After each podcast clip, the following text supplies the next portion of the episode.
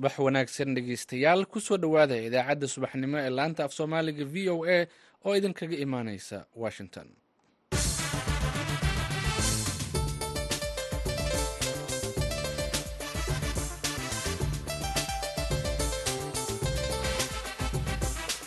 waa aroor jimco ah bisha februaarina waa afar iyo labaatan sanadka labada kun saddex iyo labaatanka. Waxaad naga dhagaysanaysaan mawjadaha gaagaaban ee lix iyo tobanka iyo sagaal iyo tobanka mitrband efemyada magaalooyinka geeska afrika qaar iyo bogga internetka ee v o a somaly com. Saacadda afrikada bari waa lixdii iyo barkii aroornimo halka washingtonna ay ka tahay tobankii iyo barkii habeennimo idaacadda saaka iyo caalamka waxaa idinla socodsiinaya aniga oo ah nuur xasan nuur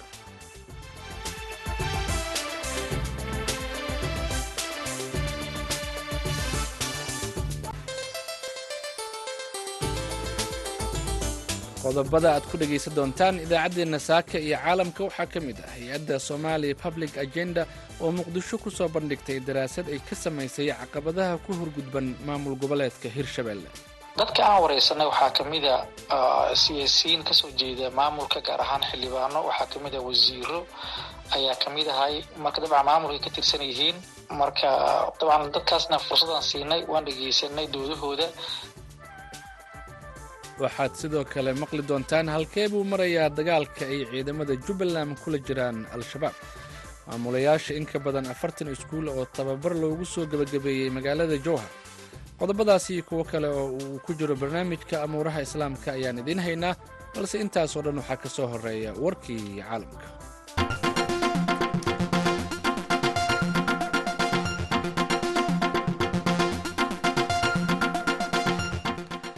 warbaahinta kuuriyada waqooyi ayaa jimcaha maanta ah ku warantay in pyonyan ay tijaabisay afar gantaal oo ah nuuca lahago ee ridada dheer xilli ay ciidanku ku guda jireen dhoolatus lagu muujinayay awoodda kuuriyada waqooyi ay isaga difaaci karto haddii lagu soo weeraro hub nucleara telefishinka k c n a ayaa sheegay in gantaalada laga riday aagga kim jik city ee gobolka hamigong loona tuuray dhanka xeebaha bari ee kuuriyada waqooyi waxaa kale oo ay sheegeen in gantaalada ay gaareen fogaan dhan laba kun oo kilomitir. Weli wax war ah kama aysan soo bixin militariga kuuriyada koofureed iyo maraykanka. Duufaan wadata qabow iyo baraf oo qeyb ka ah dabaylaha xilliga jiilaalka ee ayaa khamiistii shalay garaacay. Qeybo badan oo ka mid ah gobollada waqooyi iyo kuwa galbeedka dhexe ee dalkan maraykanka duufaanta oo xoogeedu ku habsatay magaalada ugu weyn gobolka oregon ee portland ayaa sababtay dhimashada mid ka mid ah shaqaalaha debdemiska halkay korontada ka jirtay ku dhowaad hal milyan oo qof. Duufaanta ayaa saameysay laga soo bilaabo dhinaca waqooyiga gobolka washington ilaa iyo new england. Koronto la'aanta ayaa laga dareemay gobollada illinois indiana michigan new york iyo wisconsin barafka. Ku da'ay magaalada portland ayaa cabir ahaan gaaray ilaa iyo sideed iyo labaatan sentimitir taasoo ka dhigtay mid ka mid ah barafkii ugu badnaa ee laga diiwaangeliyay taariikhda magaaladaas. Iskuullada ayaa la xiray halka dib loo dhigay kumanaan duulimaad oo ay sameyn lahaayeen diyaaradaha maxalliga iyo kuwa caalamiga ah ee qaar ka mid ah gobollada dalkan maraykanka warkii caalamka waa naga intaa. U diyaar garooba qeybaha nooga haray idaacaddeenna saaka iyo caalamka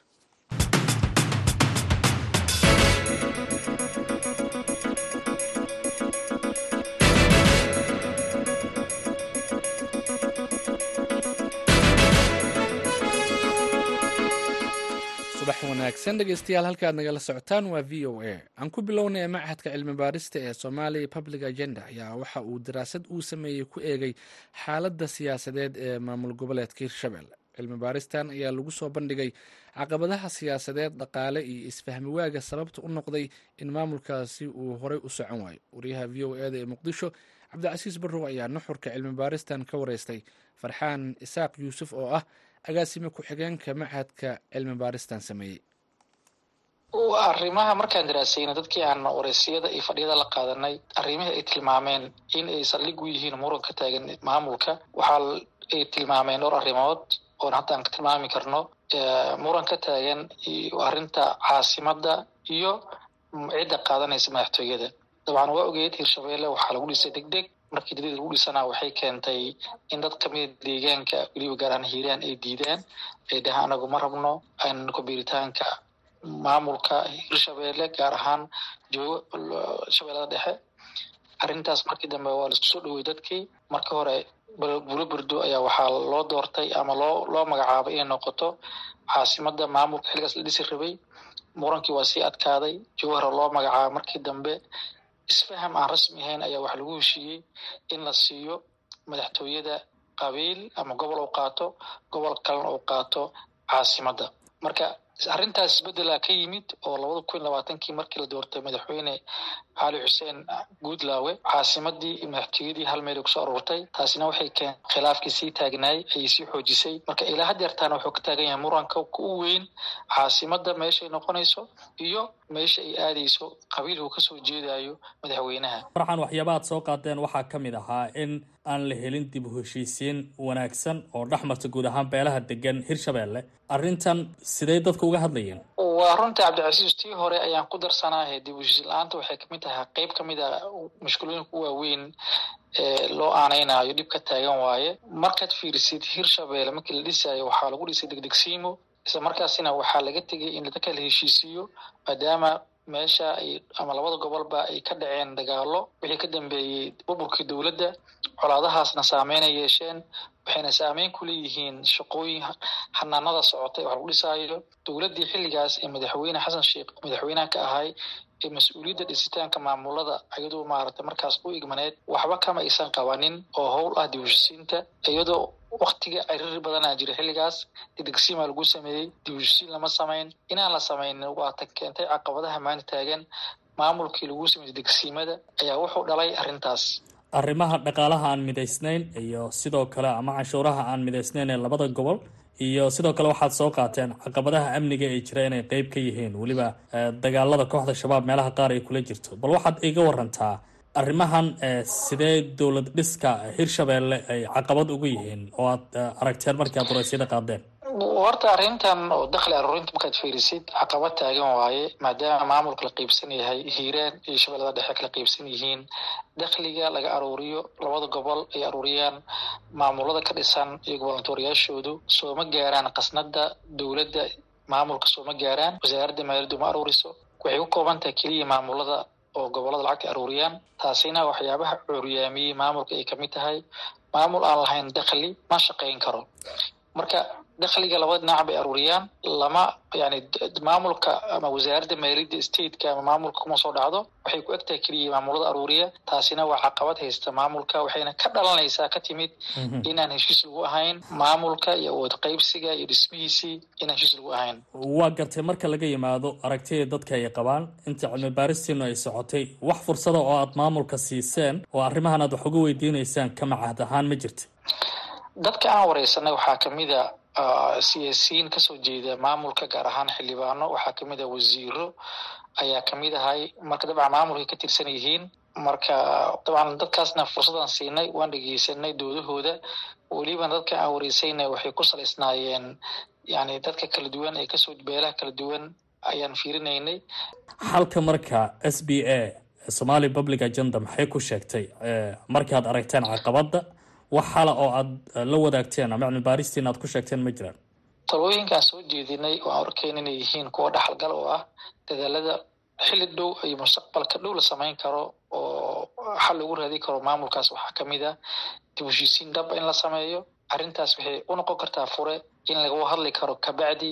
Arrimo fara badan ay ka mid tahay oo aan tilmaanay awood qaybsiga. Marka talooyinka aan soo jeedin waxaa ka mid ahayn in dib u egis dhamaystiran lagu sameeyo awood qaybsiga ay ka mid tahay baarlamaanka ay ka mid tahay madaxtooyada sida loo qabsanayo yaa qaadanaya golaha wasiirada sidoo kale in laga hadlo awood qaybsigeeda hay'adaha ammaanka in laga hadlo sidoo kale shaqaal raydka in awood qaybsiga ruuxeeda laga hadlo. Kaasi wuxuu ahaa isaaq yuusuf oo ah agaasime ku-xigeenka machadka somali public agenda oo u waramay wariyaheena cabdicasiis barrow.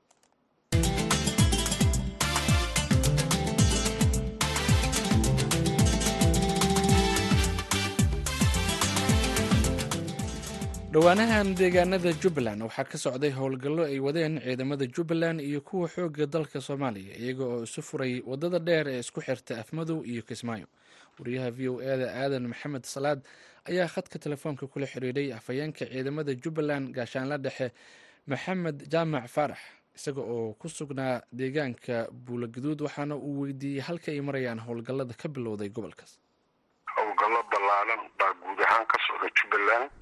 Marka aan isdhaho si formala u sawir qofkaan aqoonin saddex qaybood baa xoogaga ugu badan ee dib xoreynta deegaanadan ay ka socdaan. Degmada baraadhe area oo joorray la yidhaahdo kismaayo area oo iyada nafteedu saddex sii noqonaysa dhanka koonfur galbeed oo ah cabdidoore ilaa cabdalle biroole eriyada janaac cabdalle iyo eriyada degmada afbadow wixii saas wejigeed ah laamida iyo balweynta hindiya oo degmada jamaame ilaa jilid oo laamida ah oo iyaduna waqooyi bari noqonaysa. Saddexdaa eriya howlaha ugu badan ee jubbaland ee dib u xoreynta ay ka wadaan saacadihii u dambeeyey howlgalladii aad qaadeen maxaad noogu sheegi kartaa ee deegaanada ay ka dhaceen? Waxaan is leeyahay horta inta badan bishan oo dhan howlgalladu si joogto ay u dhacahayaan oo aan hakad lahayn. Laakiin waxaa ugu dambeysay weerar annagu aan ku tagnay ama dib u xoreynta ah oo qayb ka mida aan ku gaadhnay tuulada harboole ilaa biibi ilaa dhasheega meelahaasaan is leeyahay dhacdooyinka ugu dambeeyay ay ahaayeen laakiin dee mar walba afar iyo labaatankii saa waxaa laga yaabaa laba jeer ama saddex jeer annaga iyo cadowga inaanu kulanno waxaan ognahay in dhowr isbuuc ay ciidamada xoogga dalka iyo kuwa jubbaland ay joogaan deegaanka janaac cabdalle ilaa iyo haddana ma hayno xog sheegaysa in deegaano kale ciidamadu ay urur qaadsadeen ama ay gaareen. Maxaa sababay in ilaa iyo hadda ciidanku ay ku hakadaan deegaanka janaac cabdalle? Marka laga bilaabo ilaa harboole waxaa howlgal joogta ah ka fuliya ciidanka janaac cabdalle jooga harboole iyo afmadow inta u dhaxaysana waxaa howlgal la joogta ah ka fuliya ciidanka afmadow area ku sugan. Taasi waxay marka sahlaysaa in cadowga si fudud looga takhalluso maaha marka ciidanka janaac cabdalle muhiimadiisa inuu deganaada janaac cabdalle waa ciidan socon haya ilaa iyo caasimada dowlad goboleedka jubbaland ee bu-aale laakiin waxaan doonaynaa sida xogta soomaalidu ay waxba iskuma seegana nimanka hagaadigii waxay si xooga u degan yihiin ama u jiraan area dhasheeg oo biyo leh. Hawa bini aadamku meel aan biyo lahayn kuma noolaan karo. Meeshaas waxay u baahan tahay in dee si dhaba loo sifeeyo. Haddaysan taasi dhicin ciidamadu intay gudbaan iyagoo howlgalkooda hore sii wado ma rabna inay ama waddada ama eriyadan kismaayo mar dambe ay wax ka sameeyaan. Warar baa sheegaya in afmadow al-shabaab ay go-doomiyeen. Taa maxaa ka jira may adeer afmadow lama go-doominin waktiyo badan oo halisi ay jirtay waa la soo maray. Laakiin ciidanka afmadow degmada afmadow ku sugan iyo ciidanka janaac cabdalla ku sugan afar iyo labaatankii saac laba jeer way kulmaan oo yani iyagoo xaggaa ka yimid iyo ciidankano xagga ka yimid baa kulma. Mana anu ogi wax war ah oo hadda ku saabsan degmada afmadow inay area inay go-doon tahay ma ogi mana jirto kaasi waxa uu ahaa afhayeenka ciidamada jubbaland gaashaanla dhexe maxamed jaamac faarax. Waxa uu waramayay wariyaha v o eda aadan maxamed salaad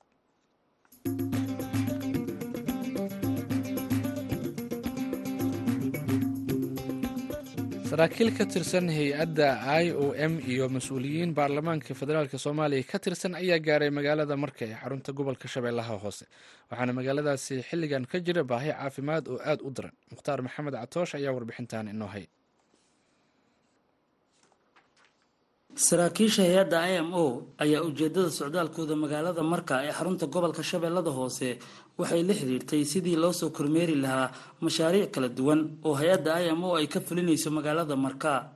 Senator xuseen cali xaaji oo aan khadka telefoonka kula xidhiiray ayaa ii sheegay in hay'adda i m o magaalada marka ay ka wado dhismaha saldhigga xarumo waxbarasho suuqa qudaarta iyo dhismaha xarunta maamulka gobolka shabeellada hoose. Suuqii qudaarta markii hore dadka magaalada ay oo banaanka ay wax ku gadan jireen qoraxda. Suuq weyn oo loo dhisaa soo tagnay kormeer ku sameynay saldhiggii degmada oo aada u burbursanaayo oo hadda dhismo bilaawa lagu bilaabo dhismihiisa ay socotana waa soo aragnay. Waxaan kaloo soo aragnay xaruntii gobolka oo shabeellaha hoose maamulka gobolka guddoomiyaha gobolka xafiiskiisana waa tagnay.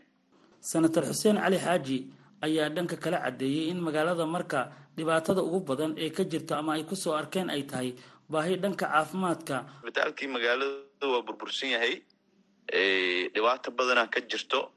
Daawooyin ma yaalaan dhakhaatiir ma joogo magaalada raaja ma laha sariirihii iyo wixii lagu jiifanaa agabkii qalabkii ma laha. Isbitaalka waa burbursan yahay. Dadka markii ay xanuunsadaan ama naagaha ay dhalayaan baddaa la soo marsiiyaa sababtoo ah wadadiina way xirantaha labada wadda ma la soo marka karayen waa tahay senatore marka saameyn intee la-eg ayay bulshada magaalada marka ku yeelanaysaa gaabiska caafimaadka ee degmadaasi ka jira. Dadka laba lee waay bis. Caafimaad iyo amni waayo haddii la waayo amni iyo caafimaad haddii caafimaadka la waayo dadka waa dhibtoonaya magaaladaas marka hadda kuleelaa bilaabanaya haddii ay shuban ka dilaacdo dadka meel lagu gargaaro ma laha. Magaalo weyn waaye oo degmooyin badanne ii sheegay waxa waaye ama deegaan badanna waa hoos imaadaan.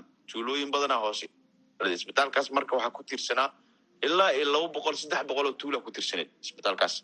Wasaaradda caafimaadka ee madaxweynaha dowlad federaalka soomaaliya mudane xasan sheekh maxamuud iyo madaxweyneha wasaaradda caafimaadka ee dowlad goboleed koonfur galbeed madaxweynaha dowlad goboleed koonfur galbeed isbitaalkaas in dib loo soo fiiriyay dadka shacabka si ay ku badbaadaan. Magaalada marka ee xarunta gobolka shabeellada hoose waxay ka mid tahay magaalooyinka ay go-doomiyeen kooxda al-shabaab waxayna inta badan shacabka iyo ganacsatada magaaladaasi ay isticmaalaan dooman kuwa kalluumaysiga oo magaalada muqdisho ay ku yimaadaan ama ay ku laabtaan marka magaalada marka ay dib ugu laabanayaan magaalada marka oo ah magaalada ganacsiga koonfur galbeed haatan waxay ka soo kabanaysaa saameynta dagaaladii sokeeyey iyo kooxda al-shabaab ay ku reebeen. Mukhtaar maxamed catoosh v o a baydhabo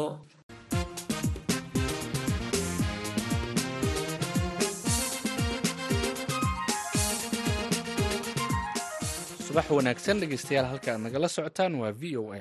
Magaalada jowhar ee xarunta maamul goboleedka hirshabelle ayaa lagu soo gebagabeeyey tababar sare loogu qaadayey heerka aqoonta qaar ka mid ah maamulayaasha iskuullada ku yaalla gobolka shabeellaha dhexe. Wariyaha v o eda xuseen xasan dhaqne ayaa warbixintan inoo soo diray. Ujeedada tababarka oo socday muddo saddex cisho ah waa hagidda macalinka iyo awoodsiinta waxbarashada deg dega waxaana ka qayb galay afartan maamulayaal iskuul oo ka kala socda magaalada jowhar iyo tuulooyinka hoos yimaada intii uu tababarka socday maamulayaasha waxaa lagu barayay waajibaadka saaran iyo sida looga doonayo inay ula macaamilaan macalimiinta wax ka dhiga dugsiyada ay maamulaan sida ay sheegtay khadre macalin bashiir oo ka mid ah. Maamulayaashii tababarka ka qayb galay. Faa'iidooyin badan ayaan ka faa'iidnay.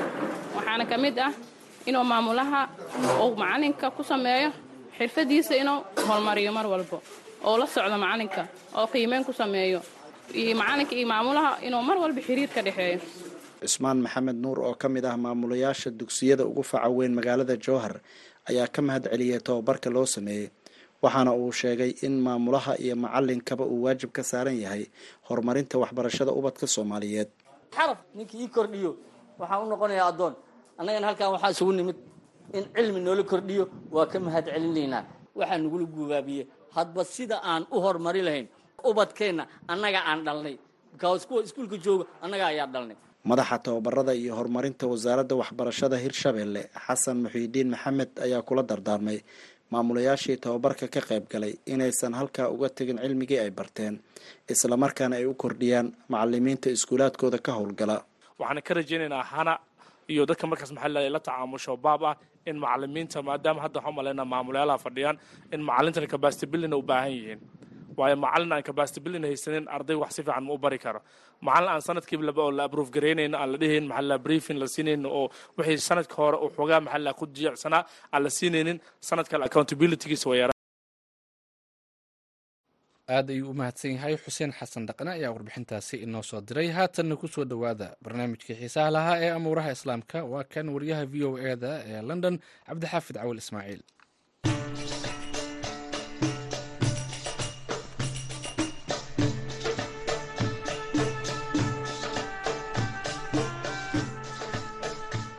wanaagsan edarkiinba akhyaartana dhegaysanaysa ay kuna soo dhowaada barnaamijkeennii amuuraha islaamka. Dadka ka faalooda arrimaha wadamadaasi islaamka waxay aaminsan yihiin in ay u muuqatay dariiqa ay qaadayaan. Madaxweynayaashii iska bedelay xafiiska aqalka cadi ee washington. Waxaa la odhan karaa in aanay xiise weyn u qabin wadamadaasi marka laga reebay inay hub ka iibiyaan helaan nidaam xasiloon oo ay hubkaasi ugu diraan iyo inay ka helaan shidaal jaban ma la odhan karaa haddaba halkan waxaa ka soo baxday fursaddii dalalka gacanka ee islaamka ahi ay ku bedeli lahaayeen xiriirka ay la leeyihiin reer galbeedka. Injineer axmed warsame abtidoon oo falanqeeyo degan magaalada shafil ee dalka britain ayaan su'aashaasi weydiiyey. Waa mahadsan tahay cabdixaafid waddamada hadda aad sheegtay waa sacuudiga imaaraadka kuwait iyo qatar.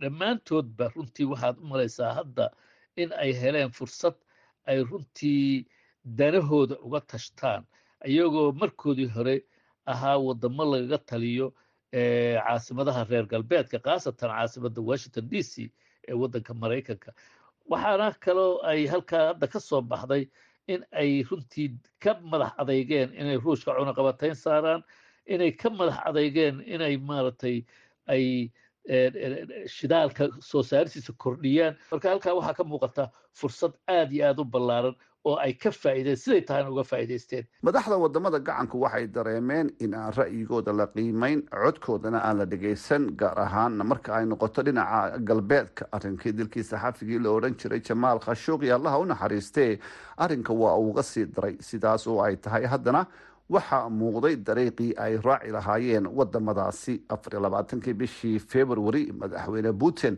waxa uu amray in ciidamadiisu ku duulaan ukraine. Siyaasadii reer galbeedku waa isbedeshay. Dalal hore oo aan u ahayn muhiim ayaa safka hore soo galay xidhiidka reer galbeedka iyo dalalka gacanka dagaalka ukraine muxuu ka bedelay waa kan mar kale injineer axmed waktiga xaadirka ah waddamada aada iyo aada muhiimka u ah waa waddamada loo bixiyey b nine ama safka hore waa waddamada poland iyo mataqaanaa romania iyo bulgaria lithuania. Maaragtay u aad xuduudaha ugu dhow dhow ruushka.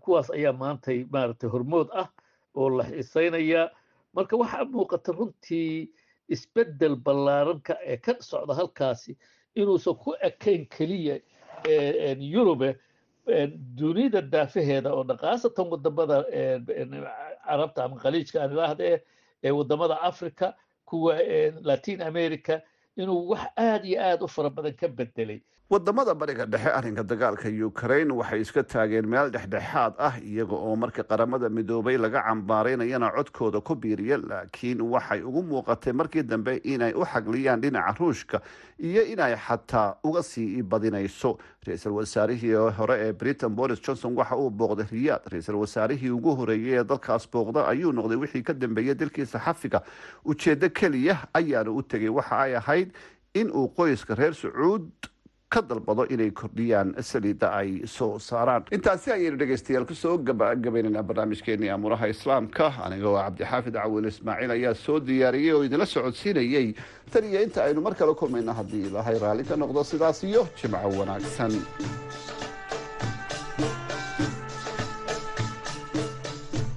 aada iyo aad ayuu u mahadsan yahay cabdixaafid cawl ismaaciil oo inala socodsiiyey barnaamijkaasi amuuraha islaamka. Halka aad nagala socotaan waa v o a. Haatanna aan dib idin xusuusiyo qodobadii wararka caalamka ugu waaweynaa saaka. Warbaahinta kuuriyada waqooyi ayaa jimcaha maanta ah ku warantay in beyanyan ay tijaabisay afar gantaal oo ah nuuca lahago ee ridada dheer xilli ay ciidankeedu ku guda jireen dhoolatus lagu muujinayay awoodda kuuriyada waqooyi ay isaga difaaci karto haddii lagu soo weeraro hub nucleer ah. Telefishinka k c n a ayaa sheegay in gantaalada laga riday aagga kim jek city ee gobolka hamigyon loona tuuray dhanka xeebaha bari ee kuuriyada waqooyi. Waxaa kale oo ay warbaahinta kuuriyada koonfureed kuuriyada waqooyi sheegtay in gantaalada ay gaareen fogandan laba kun oo kilomitr weli wax war ah oo arrintan ku saabsan kama aysan soo bixin militariga kuuriyada koonfureed iyo maraykanka duufaan wadata qabow iyo baraf oo qeyb ka ah dabaylaha xilliga jiilaalka ayaa khamiistii garaacay. Qeybo ka mid ah gobollada waqooyi iyo kuwa galbeedka dhexe ee dalkan maraykanka. Duufaanta oo xoogeeda ku habsatay magaalada ugu weyn ee gobolka oregon ee portland ayaa sababtay dhimashada mid ka mid ah shaqaalaha dabdemiska halkay korontada ka jartay ku dhowaad hal milyan oo qof. Duufaanta ayaa saameysay laga soo bilaabo dhinaca waqooyi ee gobolka washington ilaa iyo new england koronto la'aanta ayaa laga dareemay gobollada illinois indiana michigan new york iyo wisconsin. Barafka ku da'ay magaalada portland ayaa cabir ahaan gaaray ilaa iyo siddeed labaatan sentimitir taasoo ka dhigtay mid ka mid ah barafkii ugu badnaa ee laga diiwaangeliyey taariikhda magaaladaas. Iskuullada ayaa la xiray halka dib loo dhigay kumanaan duulimaad oo ay samayn lahaayeen diyaaradaha maxalliga iyo kuwa caalamiga ah ee maraykanka haatanna sida aad maqlaysaanba waa mid ka mid ah heesaha aan idinkugu talagalnay saaka.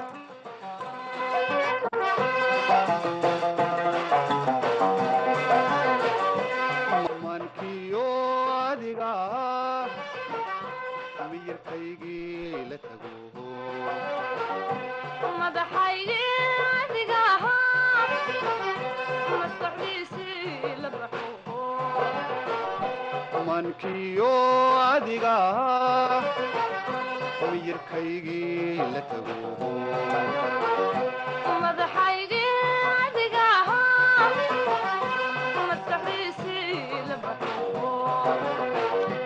Marwoy hoy inabti heedhe magooley hoy inabti.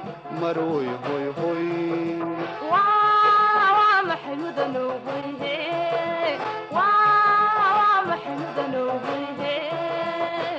himmada daali daalin himmada daali daalin himmaa weeli ku daaray mooye miyadi mogtay maya ku mooye mogtay himmada daali daalin himmaa weeli weelin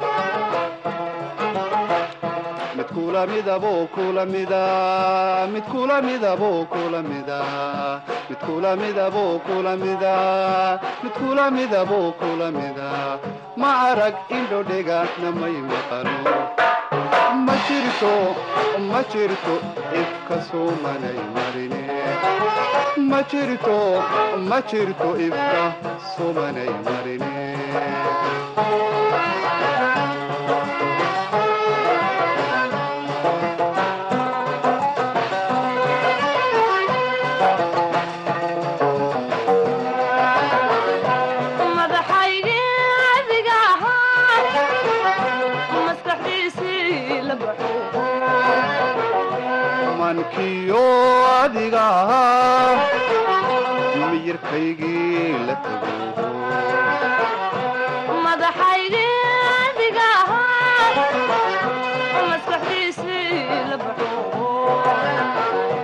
mankiyo adiga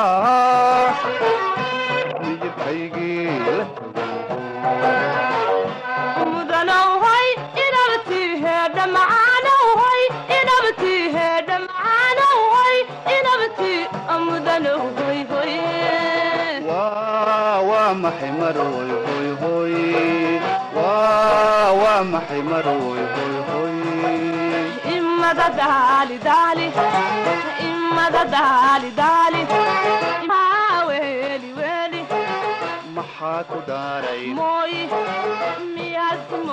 maya maya. Imada daali. Daali weeli weeli mid kula midabo kula mida mid kula midabo kula mida mid kula midabo kula mida mid kula heestaasi imada daali waxaa ku wada luuqeynaya allah wada naxariistee xaliimo khaliif magool iyo maxamed axmed kuluc iyada ayaa ugu dambaysay idaacaddeenii saaka iyo caalamka. Tan iyo kulanti dambe waa v o a oo idin leh. Sidaa iyo subax wanaagsan nabadgelyo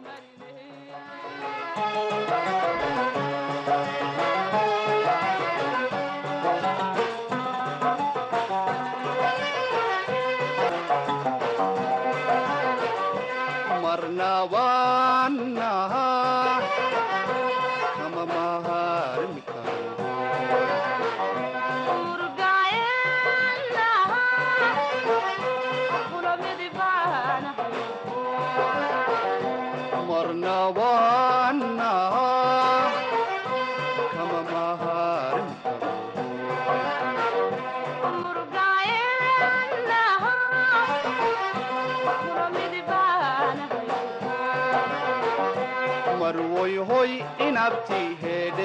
heedhe magooley hoy inabti heedhe magooley hoy inabti marwoy hoy hoy